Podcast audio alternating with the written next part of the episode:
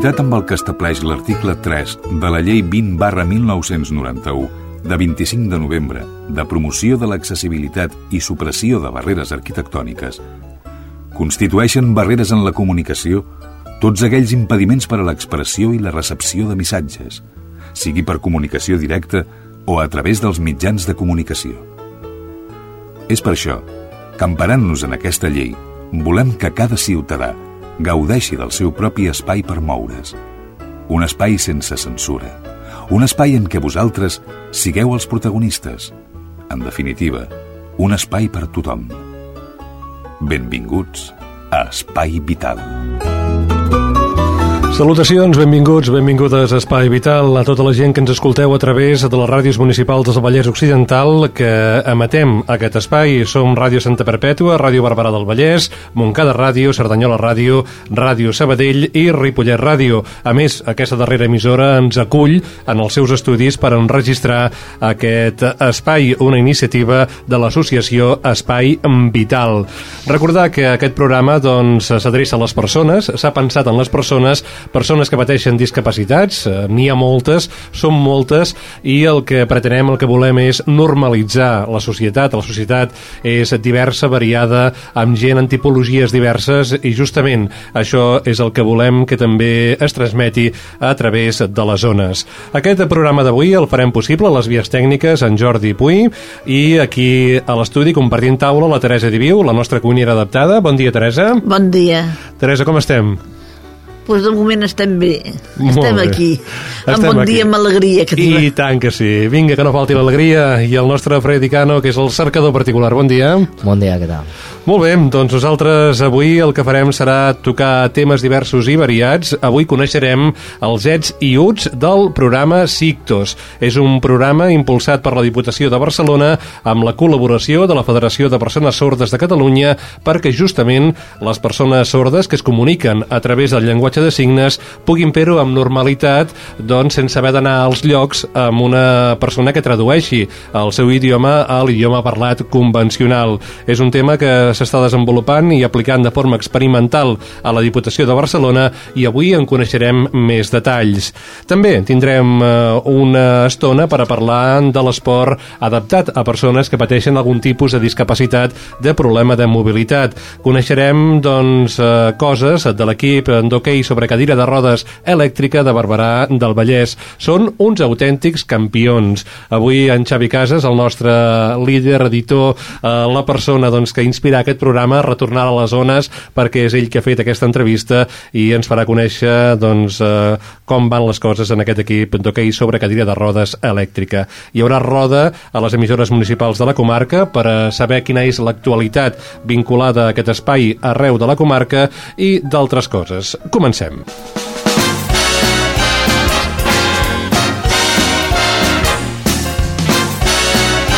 Espai Vital, el primer programa adaptat de les zones.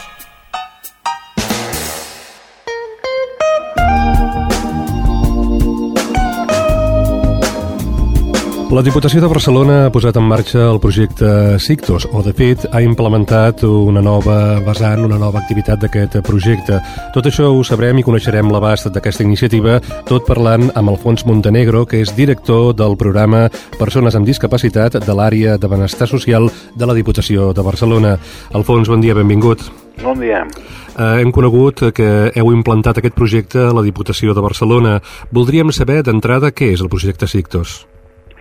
Bé, el projecte Sictus és una plataforma tecnològica eh, d'interpretació en llenguatge de signes que mitjançant videoconferència i basada en la xarxa d'internet pues, permet a les persones sordes eh, utilitzar un servei d'intèrpret eh, un servei d'intèrpret de, de la mateixa web.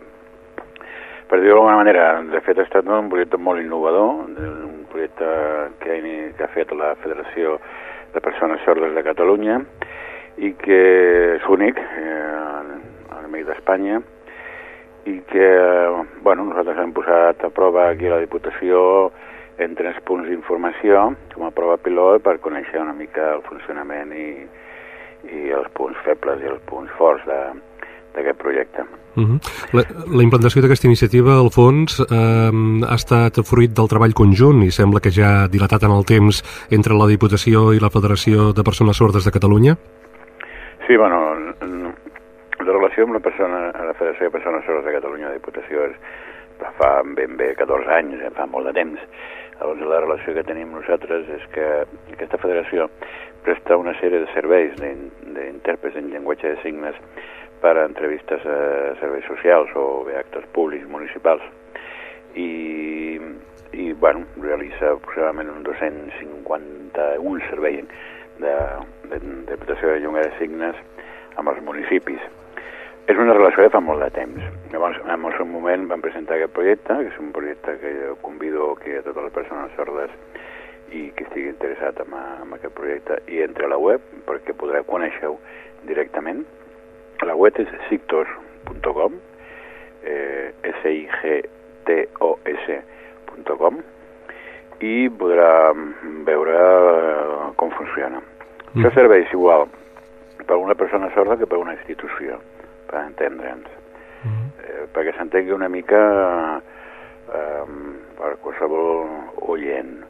Eh, tu tindries un altre, t'advaries a, a la web, pagant 500 euros per sempre, diguem-ne, compraries una, una bossa d'hores d'un intèrpret a 0,75 euros al minut, per entendre's, i a partir d'aquí tu podries en, entrar a parlar amb, una, amb llenguatge de signes, a parlar amb un intèrpret de llenguatge de signes. Eh, aquesta persona eh, pues, eh, tradueix eh, en, en llenguatge parlat eh, qualsevol altra persona que no entengui eh, eh, el llenguatge de signes. M'explico. Eh, uh -huh. Nosaltres el que tenim són tres punts d'informació perquè s'entengui. Ve una persona sorda, nosaltres connectem a la web, surt una persona, un servei d'intèrpret, ells parlen en, entre ells, i, per exemple, pregunta què tinc que fer per empadronar-me a la ciutat, no? Doncs eh, la persona, l'intèrpret, recull la demanda a partir del, del, del llenguatge de signes i l'informador que està a l'atenció al públic li diu, en llenguatge parlat, miri, aquesta senyora o aquest senyor vol empadronar-se a la ciutat. L'informador li diu a l'intèrpret, necessita portar el DNI i el certificat de convivència i el que sigui. Aquest, per llenguatge de signes, mitjançant la pantalla de, de l'ordenador de la web, eh, rep la informació i s'estableix un diàleg eh, mitjançant aquest intèrpret amb l'informador, amb qualsevol eh, persona que a l'administració tingui que donar qualsevol tipus de gestió.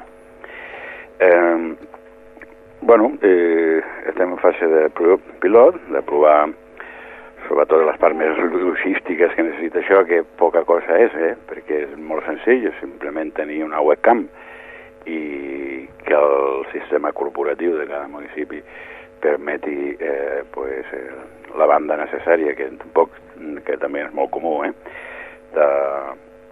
d'incorporar-se a aquesta web, i, bueno, i estem en aquesta fase de, de veure què passa, no? De uh -huh. veure la, els usuaris que venen, uh, estem parlant d'unes 15.000 persones a la província de Barcelona que són sordes, que, que poden utilitzar aquest llenguatge, i, i, bueno, i veure els punts febles també, a nivell corporatiu, pues, eh, a nivell informàtic, què pot passar o no pot passar, eh, a nivell logístic, ja dic que, que, que no és res, però a vegades els mostradors pues, no estan adaptats per, per això. bueno, estem en aquesta fase d'experiència de, pilot i en el seu moment, quan s'acabi, durarà un parell o tres de mesos, doncs eh, ja farem una valoració final i si un cas, pues, eh, ja proposarem si cal desplegar-lo o no.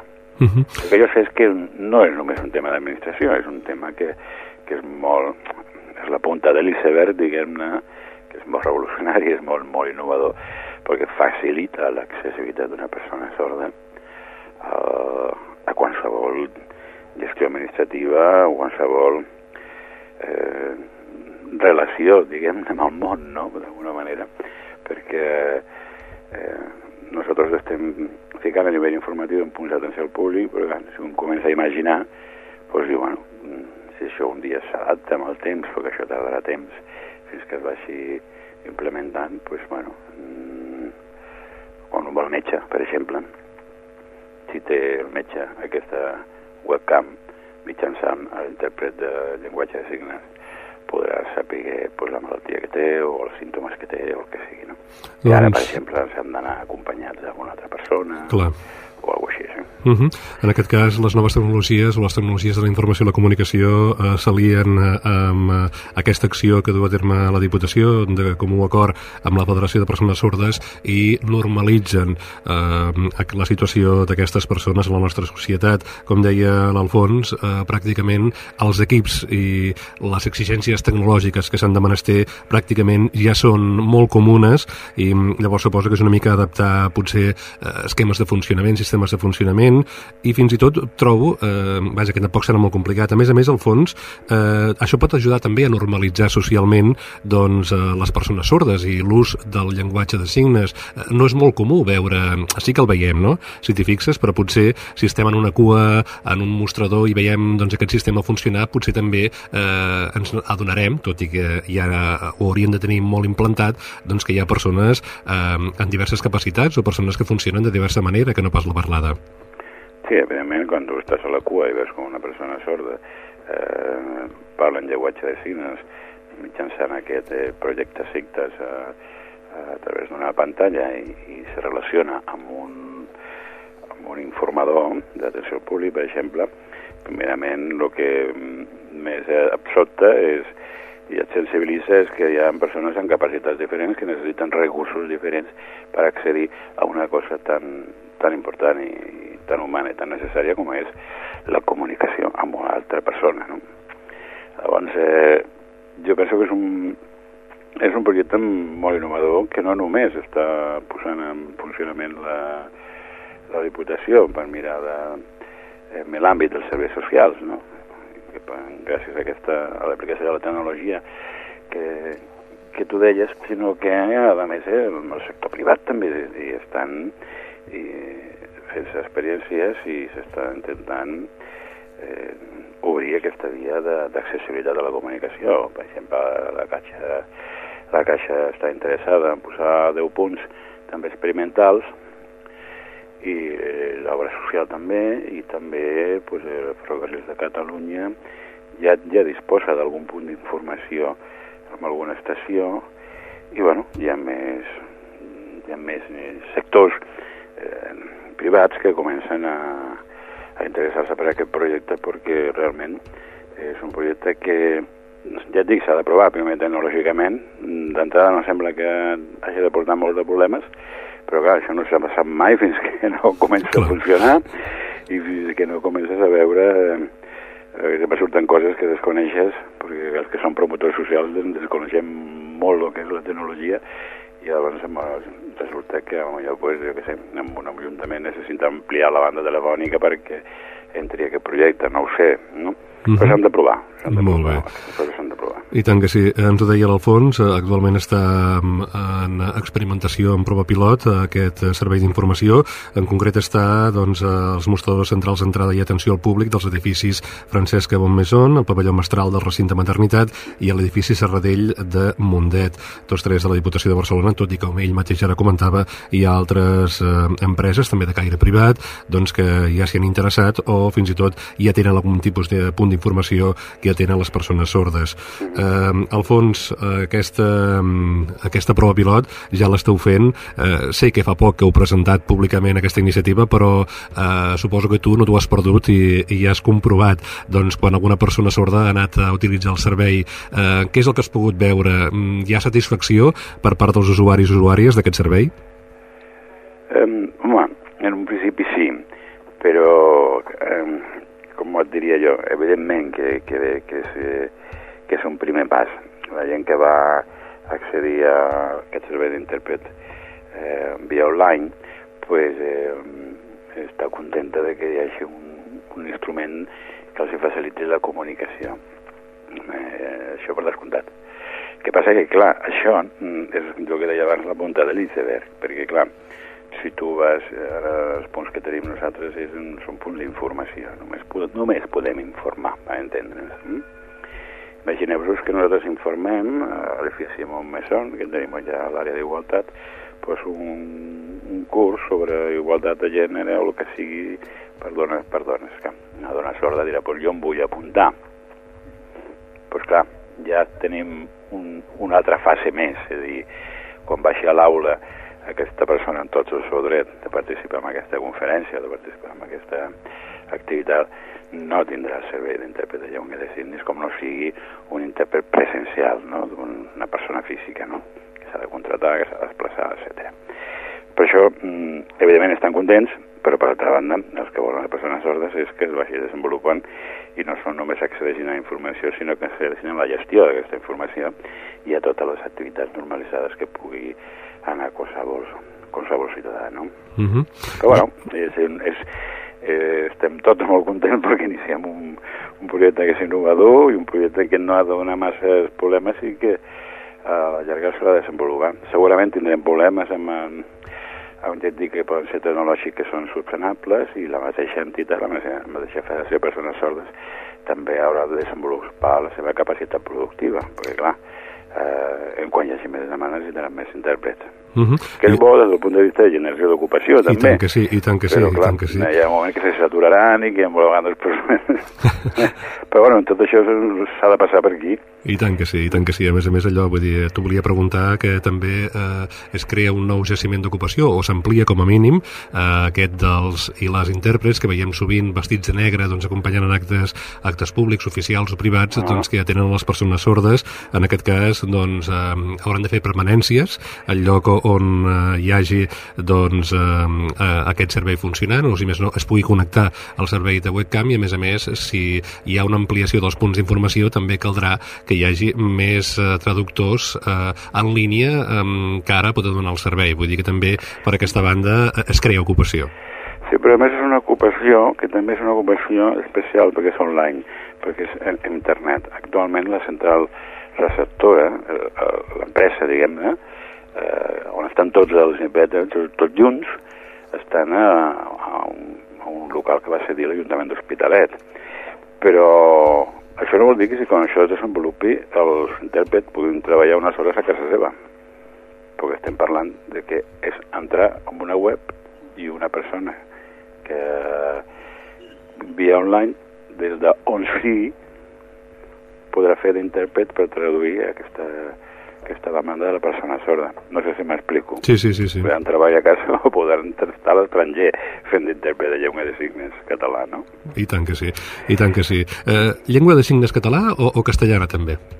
No, eh, principi és catalana, que ho sàpiga, eh? Perquè, agafat, però... perquè inicialment, eh, bé, ho comenta, estem agafant durant la nostra intenció, però si no m'erro hi ha dues llengües de signes, eh, penso que són oficials les dues, però bé, en aquest cas suposo que el servei està mm, just acabant de començar, tu ho deies, és la punta eh, de l'iceberg d'aquesta iniciativa i, i segur que a poc a poc doncs, s'anirà ampliant encara millorar el servei. De moment, experimentació eh, les, els punts d'informació de la Diputació de Barcelona i suposo que en futures, eh, en futures onades d'aquest eh, programa, doncs, per què no? El podem tenir a les oficines municipals d'informació, a tot arreu, una mica doncs, anar donant servei a tothom que ho hagi de menester, sigui de l'àmbit institucional, sigui també de l'empresa privada, com tu mateix apuntaves.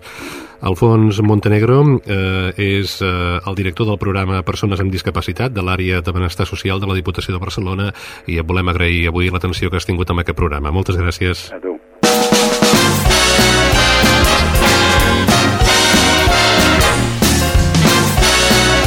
Espai Vital, el primer programa adaptat de les zones.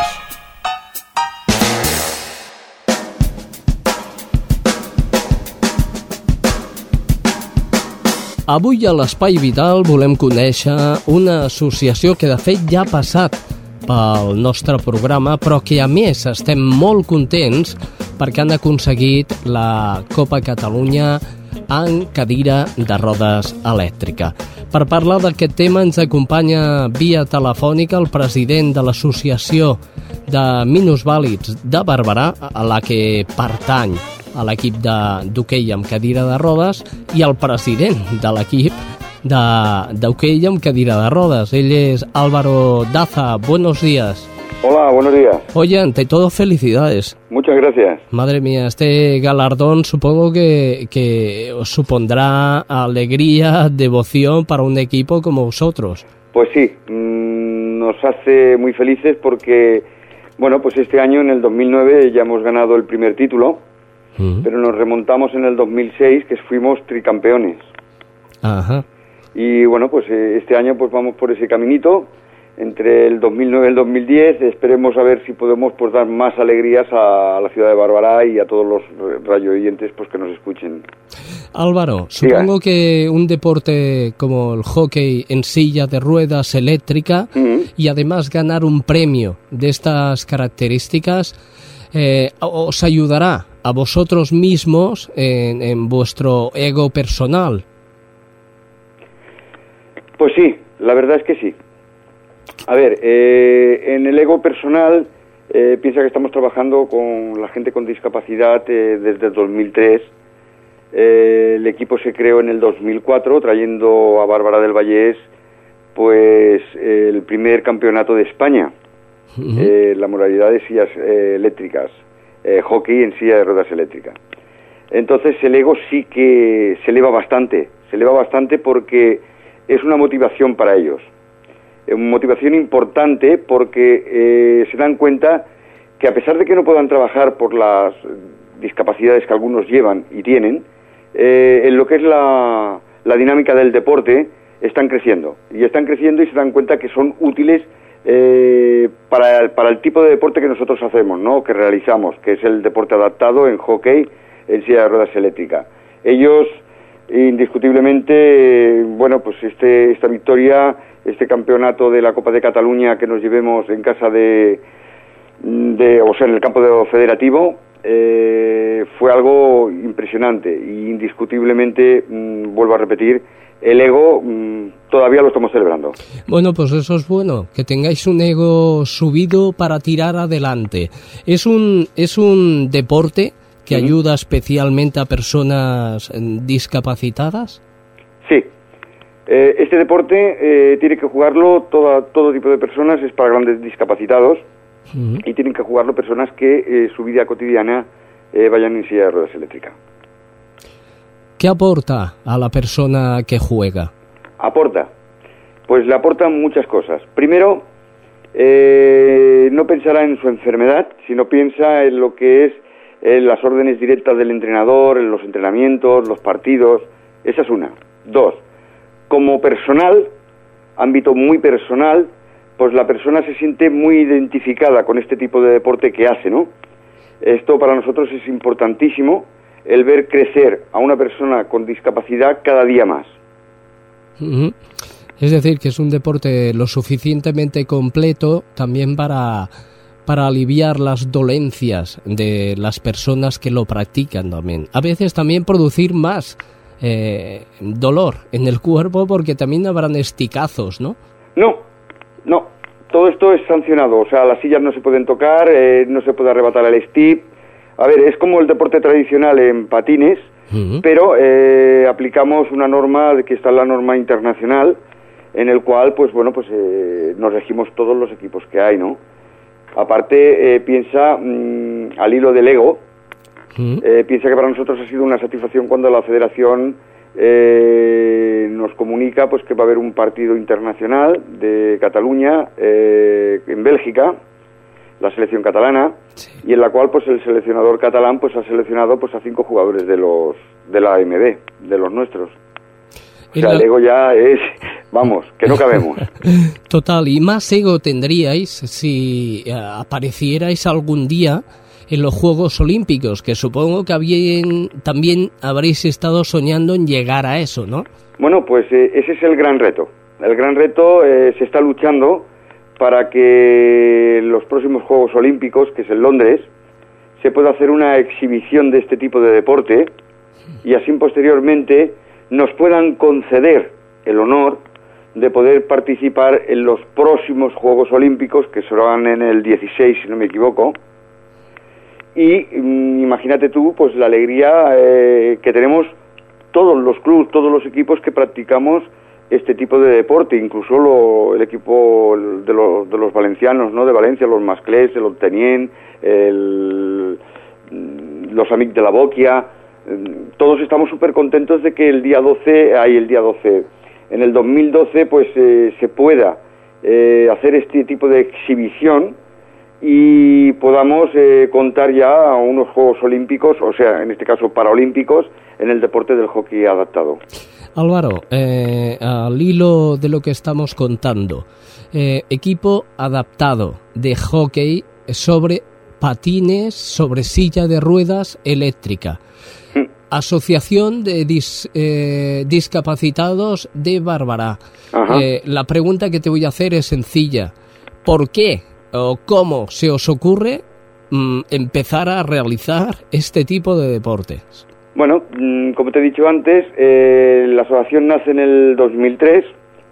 A partir de ahí, pues eh, vamos viendo una serie de, de obstáculos que tienen las personas con discapacidad, porque en esos momentos estaba lo que es la boquia, un juego, pues bueno, para grandes discapacitados también, la petanca.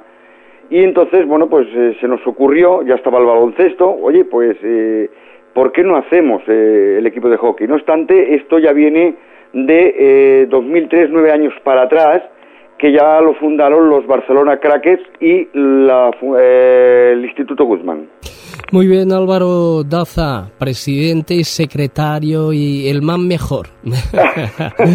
el más mejor del equipo de, de hockey y adaptado. Eh, te agradecemos muchísimo que hayas atendido a Spy Vital y esperamos poder volver a hablar en la próxima victoria, que está a la vuelta de la esquina. A la vuelta de la esquina está. Gracias y buenos días. Yo quisiera agradecerte pues esta llamada Mm, y sobre todo dar ánimo a todas las personas con discapacidad que el deporte es bueno que lo hagan, que no hay un deporte en el cual digan yo no puedo hacerlo, todo deporte se puede hacer con ganas, con coraje y demostrando que no eres más, mm, o sea, más menos válido, sino más válido. ajá. Gracias a vosotros. Y siempre apelando a la famosa palabra de normalización. Exacto, la normalización es principal. Muy bien, Álvaro, gracias. A vosotros. Hasta luego. Dios, Dios. Estàs escoltant Espai Vital.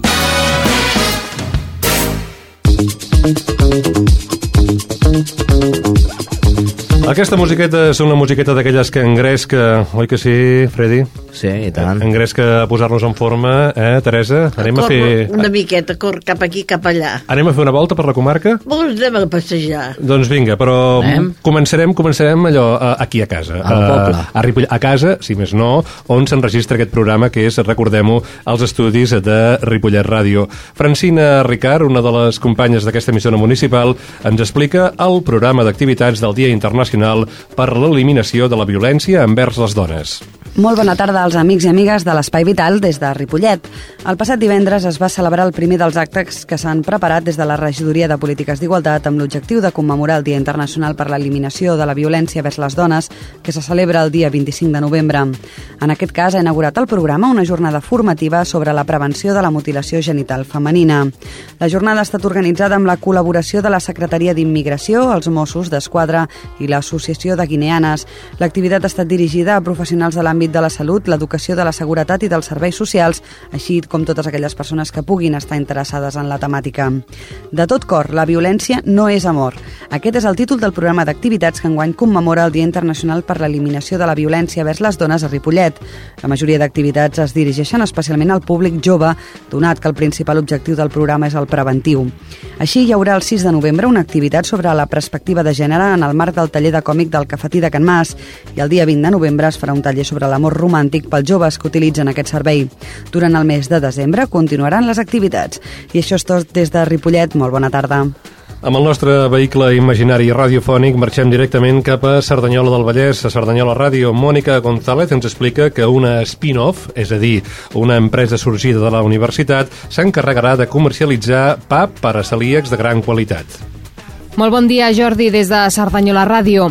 Una nova empresa spin-off del Parc de Recerca Universitat Autònoma de Barcelona comercialitzarà el pa sense gluten de gran qualitat que ha desenvolupat el Centre Especial de Recerca de la Planta de Tecnologia dels Aliments de l'Autònoma. L'empresa es dirà Felnuti, societat limitada, tot i que el pa es comercialitzarà amb la marca comercial Felipan i la seva missió serà la comercialització tant del pa sense gluten com d'un preparat per elaborar el pa a casa. Des de l'Autònoma destaquen que el pa serà de gran qualitat i presenta característiques de sabor i textura molt semblants a les del pa convencional. A més, es distribuirà setmanalment, permetent als consumidors que puguin disposar habitualment d'un pa fresc que, per les seves característiques, pot ser consumit per tothom i no estarà restringit a les persones celíaques. El producte que es comercialitza és un pa de motlla de 250 grams similar al convencional. També es posa a la venda un mix, un preparat que permetrà elaborar el pa i altres productes a casa i es distribuirà en paquets de 400 grams. Tots dos productes es distribuiran arreu de Catalunya a partir de la primera setmana de novembre a través de la cadena de comerços Marsan. El pa sense gluten és apte per a les persones que pateixen la malaltia celíaca, una intolerància permanent al gluten que afecta individus genèticament predisposats i que exigeix mantenir una dieta estricta sense gluten durant tota la vida. I això és eh, tot. Des de Cerdanyola Ràdio s'ha parlat Mònica González. Com qui no vol la cosa, marxem directament cap a Montcada i Reixac. A Montcada Ràdio, Sílvia Díaz és qui ens atén i ens explica que els dos ambulatoris de la ciutat han implantat la recepta electrònica. Hola, salutacions des de Montcada, l'Espai Vital. Els dos ambulatoris del municipi, el del centre i el de les Indianes, al barri del Pla d'Encoll, han implantat ja la recepta electrònica, un sistema que opera en temps real i amb el qual ja no fa falta desplaçar-se al centre de salut només per recollir la prescripció mèdica. La recepta digital es gestiona des de qualsevol farmàcia i és especialment útil per a aquelles persones amb problemes de mobilitat o pacients amb patologies cròniques i sobretot per les persones grans. Amb aquest sistema s'evita acumular medicaments als domicilis si es pot exercir un major control al tractament de cada persona. El pacient pot obtenir el seu tractament en qualsevol farmàcia facilitant la seva targeta sanitària junt amb el pla de medicació que li hagi donat el seu metge. Això permet reduir la burocràcia, l'extensió de receptes i de retruc, disminuir les visites i la càrrega del prescriptor, així com l'acumulació de medicaments. El document recull la informació completa del tractament, els medicaments, la durada, la posologia, entre d'altres. El farmacèutic pot accedir a través d'un programa informàtic a la recepta electrònica expedida a la consulta i lliurar els medicaments amb total garantia, potenciant el seu paper com a agent de salut. El 70% del personal mèdic dels ambulatoris moncadencs ja fa servir aquest nou sistema. Doncs bé, això és tot. Fins la setmana vinent. Sens dubte, un gran avenç que a poc a poc s'anirà implantant al conjunt d'ambulatoris. Anem directament cap a Sabadell, a Ràdio Sabadell. Ens espera la Karen Madrid. Ella ens informa, ens dona balanç, passa balanç de com ha anat l'experiència, el viatge que han fet professionals mèdics de l'Hospital de Sabadell a Tinduf, als campaments de refugiats saragüís de, vaja, del, del nord d'Àfrica, Algèria en aquest cas. Ella ens explica, la Karen, doncs, que aquests metges han tornat amb els objectius ja complerts i amb perspectives per noves noves, noves viatges, noves experiències al nord d'Àfrica. Hola Jordi, els professionals de l'Hospital de Sabadell que van viatjar als camps de refugiats de Tinduf al Sàhara han tornat amb els objectius complerts. Han realitzat una cinquantena d'operacions quirúrgiques i fins i tot han pogut diagnosticar nous casos per les pròximes expedicions. Tot i això, el cirurgià sabadellenc Santi Barcons assegura que les incidències i els problemes tècnics han estat la tònica dominant, ja que allà pràcticament no es fa cap manteniment dels aparells sanitaris. Estàvem a un hospital dels dos que hi ha que tenen quiròfan. I aquest hospital potser està millor condicionat, però igualment eh, eh, hi havia aparells que no funcionaven, en fi, uns quants dies abans sempre has de posar les piles per arreglar i que tot comenci a funcionar, perquè si no la, la gent d'allà no, no fa un manteniment molt, molt intens a les instal·lacions i llavors doncs inicialment t'has d'esforçar en que tot funcioni. Un altre dels problemes amb què s'han topat els sabadellencs als camps de refugiats sarauís és la falta de metges. Les males condicions laborals obliguen els professionals sanitaris a marxar del país i els pocs que es queden no compten en cap mena d'experiència. En aquest sentit, l'expedició ha servit per fer un cop de mà als metges de Tinduf i formar-los en casos que es poden trobar en el seu dia a dia. Santa Perpètua de Mogoda és la nostra propera destinació. A Ràdio Santa Perpètua ens espera Estrella Núñez. Ella ens explica que a la seva ciutat s'està produint, eh, proveint i produint el canvi de contenidors per recollida de la brossa, brossa orgànica, brossa inorgànica, rebuig, etc. Una de les característiques dels nous contenidors és que seran adaptats. Hola, salutacions des de Santa Perpètua. L'Ajuntament de la nostra ciutat ha decidit canviar els contenidors de la fracció orgànica i del rebuig per uns de nous que seran més higiènics higiènics, més silenciosos i adaptats a persones amb discapacitat o gent gran. L'aposta per la millora de la recollida de residus al municipi també inclou la instal·lació progressiva de plataformes soterrades. La inversió municipal per a aquestes plataformes soterrades puja a 4 milions i mig d'euros i es desenvoluparà en diverses fases. Després de les festes de Nadal i Reis, començarà la primera fase de les obres per a la instal·lació dels nous contenidors soterrats a Centre Vila, l'Eixample i la Creueta. La segona fase tindrà lloc als barris de Can Folguera, Cantalló, Mascosta i la Florida. Pel que fa als nous contenidors, un total de 650 ja han començat a distribuir-se pel barri de Mascosta. La regidora de Medi Ambient, Rosa Maria Bonàs, ha explicat que els nous contenidors de rebuig seran millors. Se'n col·locaran 420 en tot el municipi.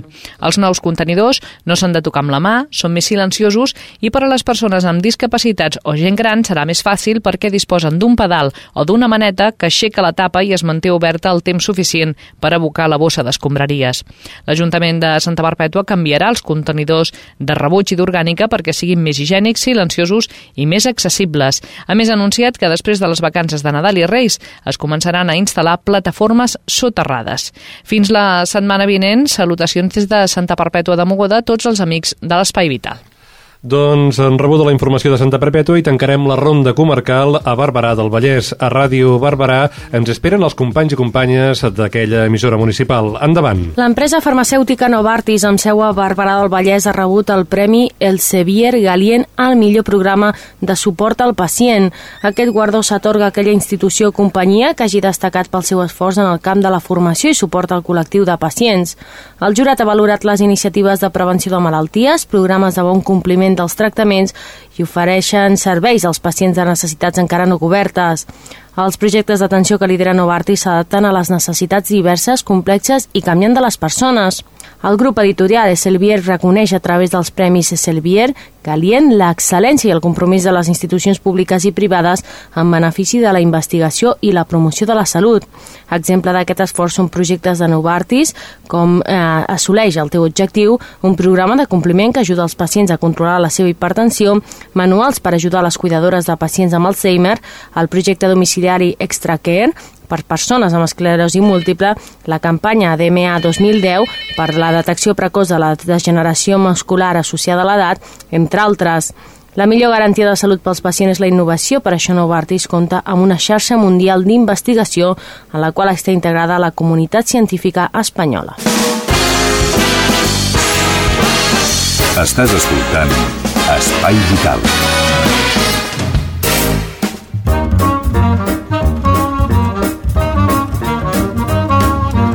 Tenim els fogons preparats, a tots els estris escaients per cuinar, el davantal posat, el barret el Freddy ja se l'ha posat, tot i que no caldria potser massa. No, no, no caldria massa, no? No, no, no diem no pas per què, perquè aquí fem ràdio, no fem televisió, eh? I la Teresa, que té la seva recepta a punt. Teresa, avui la cosa va de carns. Sí, avui de carn. Això, això m'agrada, això m'agrada. Bueno, de llom. Vinga, és, és carn, no? És bueno, carn. és carn, sí.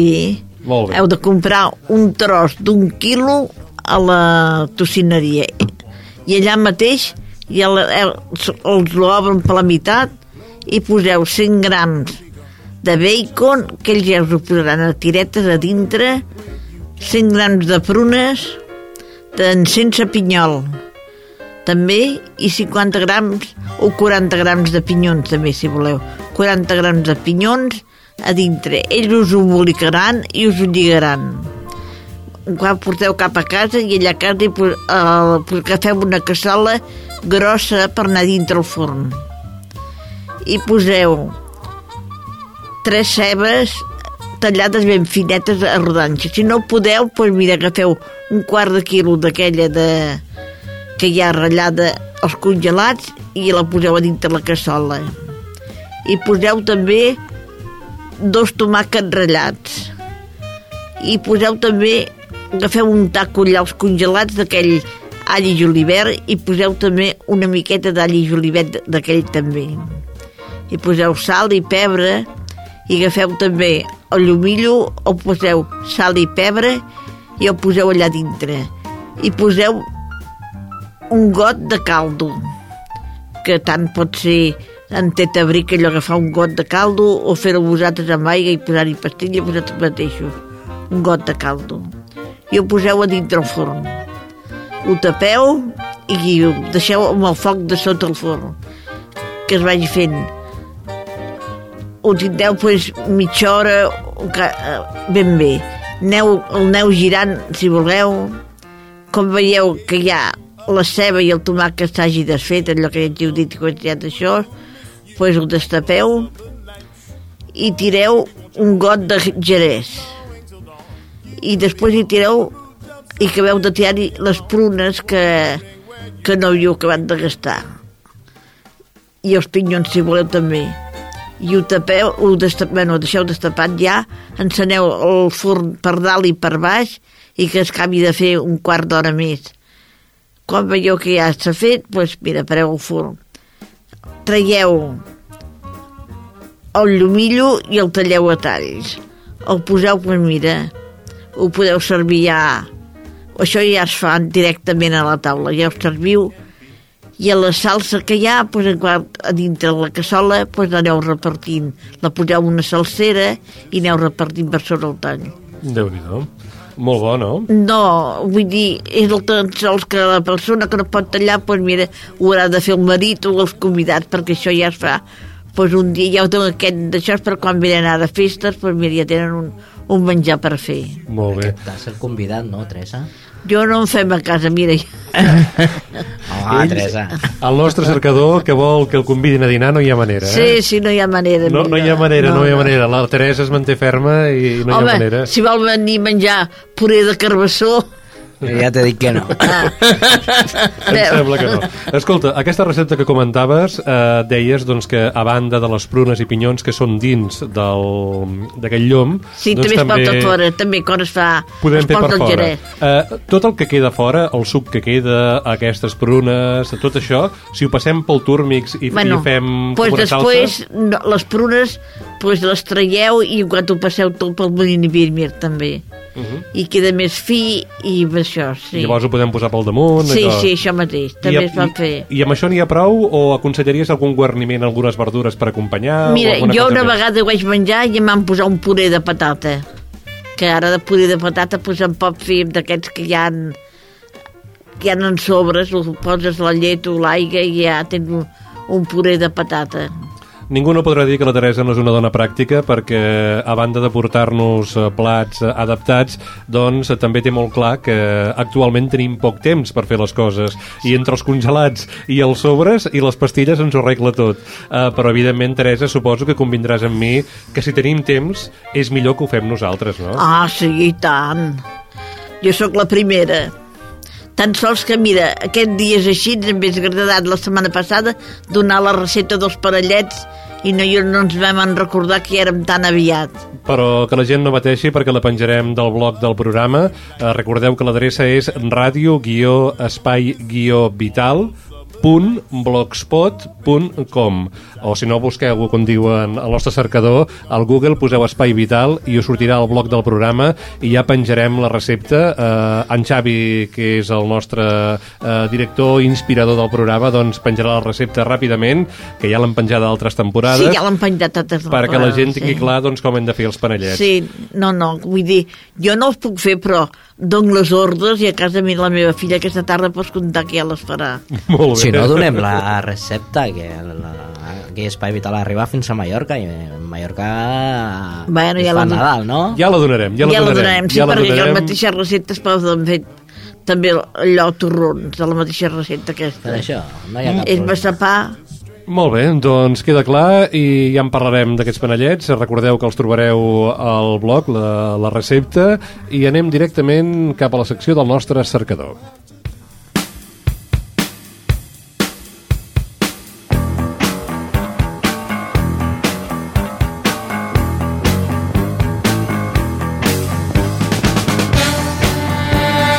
En Freddy és el cercador i ell ens porta informació que ha trobat a la xarxa. Avui amb especial atenció amb una informació que ens arriba des dels amics i amigues d'Adimir a través de l'Anna Ballesta, que també doncs, escoltem en aquest programa de tant en tant, i ens parla d'una realitat eh, prou, diguéssim, copsant, prou delicada, i és que el Departament d'Educació ha decidit eh, treure fons eh, pels vetlladors i vetlladores que ajuden els infants amb discapacitats en el seu procés d'aprenentatge. Eh, Freddy, què ens pots explicar d'això? Sí, mira, Educación ha reducido las horas de cuidados a los al- alumnos discapacitados, padres de niños obligados a contratar monitores de escuela por su cuenta. Cristina Núñez ha tenido que contratar a una monitora para que vigile los niveles de glucosa de su hija Hanna, de 3 años de edad y diabética, que cada día come en el colegio de la Cosetania de Vilanova y la Geltrú. El, departam- el Departamento de, de Educación ha reducido la semana la jornada laboral de los monitores y las horas del almuerzo han quedado sin cobertura. La semana pasada, Aleix Cabré, de 6 años, que se desplazaba en silla de ruedas por una enfermedad neuromus- neuromuscular, no encontró a su monitora para que la acompañara al lavabo. Nadie lo hizo. Educación también ha reducido la jornada de los cuidadores de la Escuela Vallés de Manresa. Ajustes presupuestarios, la respuesta que los padres afectados reciben de la Administración catalana. Este curso, decenas de niños discapacitados y escolarizados en escuelas ordinarias de Cataluña se han quedado sin sus habituales cuidadoras, conocidas popularmente como vetlladoras. A pesar de que el año pasado la propia Generalitat les asignó un número de horas a la semana. Educación ha reducido en muchos casos hasta la mitad de las horas que estaban contratada este personal de apoyo para atender a unos niños cuya incapacidad, sea física o psíquica, les impide desenvolverse de forma autónoma. Y ahora el problema que ha pasado a la dirección de cada centro que debe afrontar las consecuencias y las protestas de los padres. Doncs aquesta és la realitat, un tema que s'està vivint a les escoles al nostre país eh, i gent, com per exemple Adimir, està sobre la qüestió. Han convocat una reunió, aquest programa Sí. sabem que s'emet en horaris i diferents segons les emissores, però sí que hi ha convocada una reunió a Montcada i Reixac. Eh, Freddy, Sí, quan es farà? Serà dissabte, 7 de novembre del 2009, a la hora a les 18 hores fins a les 8 i la ubicació mm, està encara per confirmar. Molt bé. Està, està per confirmar encara. En tot cas intentarem, i vaja, i ho farem, ho penjarem també al nostre blog, però també podeu buscar la pàgina web De d'Adimir, Adimir. que Adimir, si no m'erro, és adimir.moncada.cat Sí. i aquí trobareu la informació de primera mà de la gent d'Adimir per totes aquelles entitats de la comarca doncs, que potser treballeu amb persones amb algun tipus de discapacitat, especialment amb els infants afectats d'aquesta qüestió, o, vaja, o voleu més informació sobre què s'està fent per part de la societat civil per intentar solucionar aquest tema i que educació doncs, no retalli no retalli aquests ajuts eh, que van per vetlladores per infants, per nens i per nenes del nostre país eh, que tenen problemes eh, per poder fer l'escolarització habitual si no és amb l'ajut d'aquestes persones. Amb aquesta qüestió pràcticament eh, tanquem el temps previst per al programa d'avui. Eh, Agrair-vos, eh, Teresa, Freddy, la vostra companyia, gràcies. Tu també. Gràcies a tu. I en Jordi Puy, que és qui ens guia i qui fa possible que sortim en antena. Evidentment també als companys i companyes tècnics de les ràdios municipals per on s'emet aquest programa. Recordem, Ràdio Santa Perpètua de Mogoda, Ràdio Barberà del Vallès, Montcada Ràdio, Cerdanyola Ràdio, Ràdio Sabadell i Ripollet en Ràdio. Nosaltres tornarem la setmana vinent a aquesta cita radiofònica, a la cita de l'Espai Vital, en temes d'interès. Parlarem d'aquest nou pa sense gluten que comercialitzarà una empresa sorgida de la Universitat Autònoma de Barcelona. En tindrem més detalls i moltes altres qüestions. Que passeu molt bona setmana, que gaudiu de la vida, que són quatre dies i no és pas un tòpic i, vaja, vull dir que tot us vingui de cara. Adéu-siau.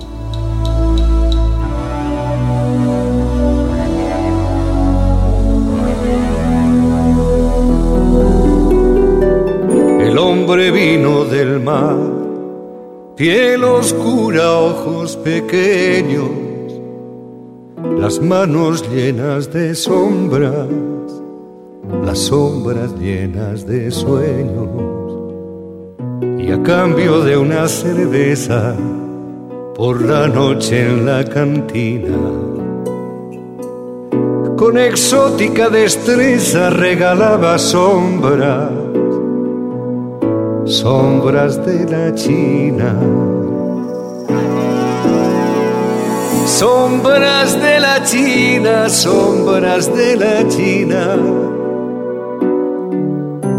Ve a correr la liebre por la cortina, al ganso haciendo el ganso, al héroe y al villano.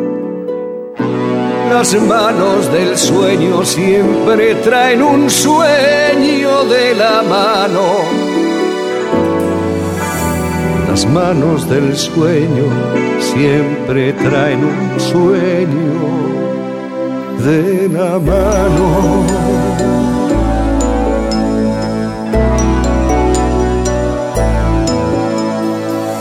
El amor vino en abril, recitando viejas coplas, las manos llenas de besos, los besos llenos de sombra, y con las primeras nieves se escapó entre bambalinas, dibujando en las paredes sombras y más sombras, sombras de la China. Sombras de la China, sombras de la China. Ve a Pierro llorando por Colombina, al lobo de la estepa, aullar al cielo en vano. Las manos del sueño siempre traen un sueño de la mano. Las manos del sueño siempre traen un sueño de la mano.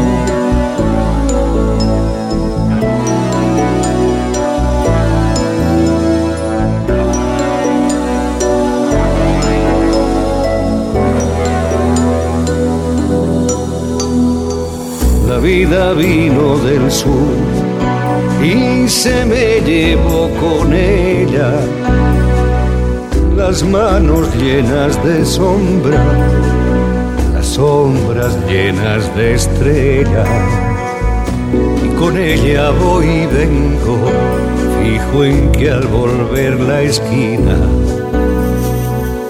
lo que soy lo que tengo solo serán sombras sombras de la China sombras de la China, sombras de la China. Voy a correr la liebre por la cortina, al ganso haciendo el ganso, al héroe y al villano. Las manos del sueño siempre traen un sueño de la mano. Las manos del sueño siempre traen un sueño de la mano.